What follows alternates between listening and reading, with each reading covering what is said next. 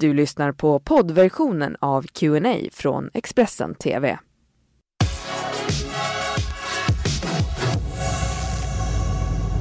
Evelina Forsell, välkommen hit. Så häftigt att ha dig här. Alltså, hur många är det som följer dig på Youtube? 450 000 nu.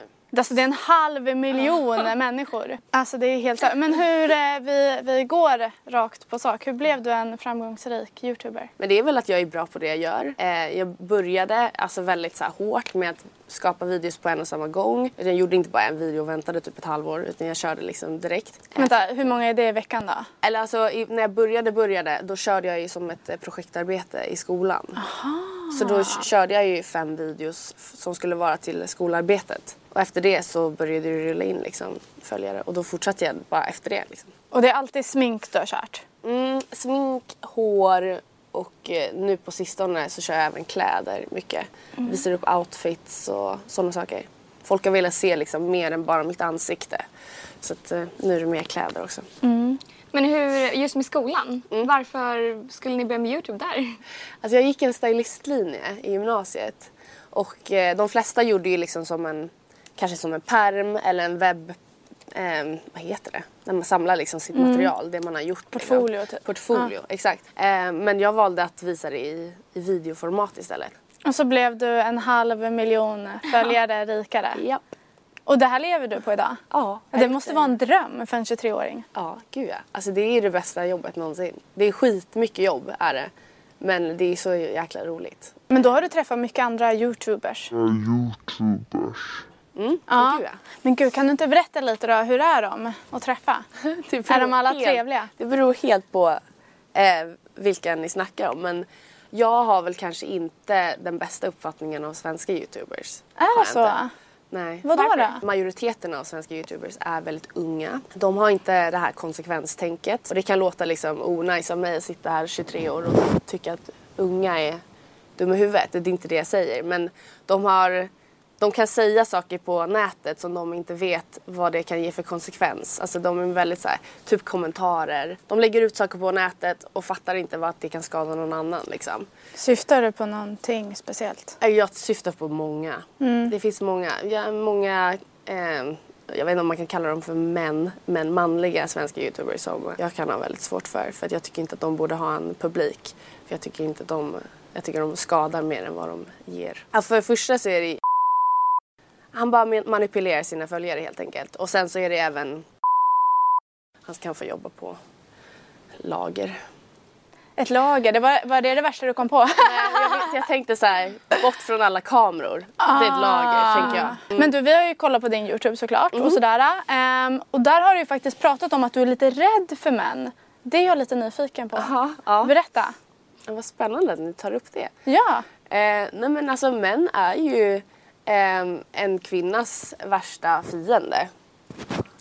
Eh, så det är klart. Alltså, är jag, går jag hem på kvällen så är inte jag rädd om jag ser en tant. Eller om jag skulle se dig på stan. Men om jag skulle se en man gå bakom mig då skulle jag ändå vara lite försiktig liksom.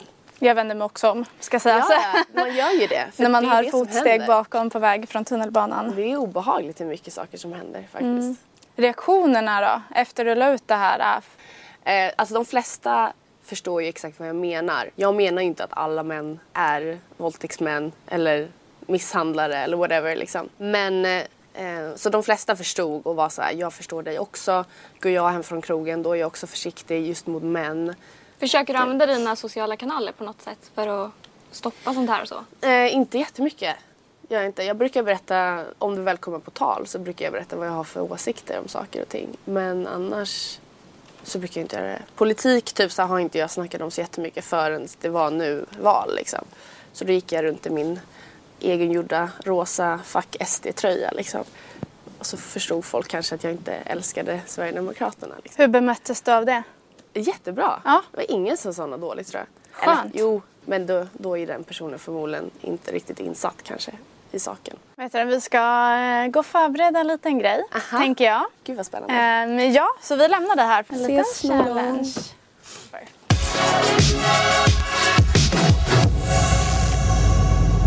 Yes! Det är dags att testa hur bra är du egentligen på att sminka dig. Eh, vi tänker så här, vi sätter för den här för dina ögon. Sen har vi... Ett litet färgat läppstift. Herregud. Och vi vill se, kan du sätta på läppstiftet utan att kolla dig i På en mig spegel? själv då alltså? Vi har ju då valt ett, ehm, ett eh, ganska mörkt. så ni ska se ordentligt hur fin Evelina blir. Måste nästan kolla så att den blir så att du inte har fuskat här sen. Okej, nu drar jag åt den. Oh Ja. Då kör vi! Eh, ska jag se. Där. Oh my god, det blir bättre än när jag Ja, gör med Jag spegeln. känner också det. Gud vad jag är koncentrerad. Gud, vi är helt imponerade. Vi bara sitter och bara wow. Alltså det är helt perfekt! Ja, det Är är det? helt sjukt. Det är helt perfekt! Jag tror att det känns bra. Ja, det ser rätt bra ut. Nu får du kolla. Ja. Okej. Oj, oj. Oh, det var ju snygg färg. Matchar ju håret nu. Snyggt. Alltså vi ger getingbetyg. Du får, av fem får du dubbla femmor. Tusen tack för att du kom hit Evelina och så ses Ses vi. vi igen. Du har lyssnat på poddversionen av Q&A från Expressen TV. Ansvarig utgivare är Thomas Mattsson. Ett poddtips från Podplay. I podden Något Kaiko garanterar östgötarna Brutti och jag, Davva, dig en stor dos skratt.